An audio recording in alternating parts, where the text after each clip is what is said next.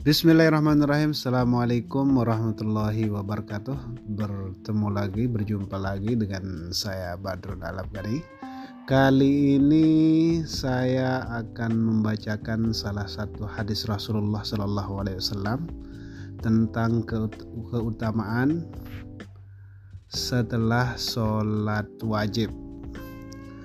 Dari Abu Hurairah radhiyallahu anhu dari Rasulullah Sallallahu Alaihi Wasallam beliau bersabda, Barang siapa bertasbih kepada Allah sehabis sholat sebanyak 33 kali, bertahmid kepada Allah 33 kali, dan bertakbir kepada Allah 33 kali, hingga semuanya berjumlah 99 kali, dan beliau menambahkannya sehingga berjumlah 100 atau menyempurnakannya dengan 100 maka setelah itu membaca la ilaha illallah wahdahu la syarikalah lahul mulku lahul hamdu wa huwa ala kulli syai'in qadir maka sesungguhnya kesalahan-kesalahannya akan diampuni walau sebanyak buih di lautan.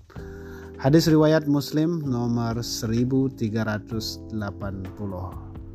Oke, para pemirsa di mana pun Anda berada semoga kita terus mengamalkan ini dan mudah-mudahan bermanfaat untuk kehidupan kita di hari kemudian.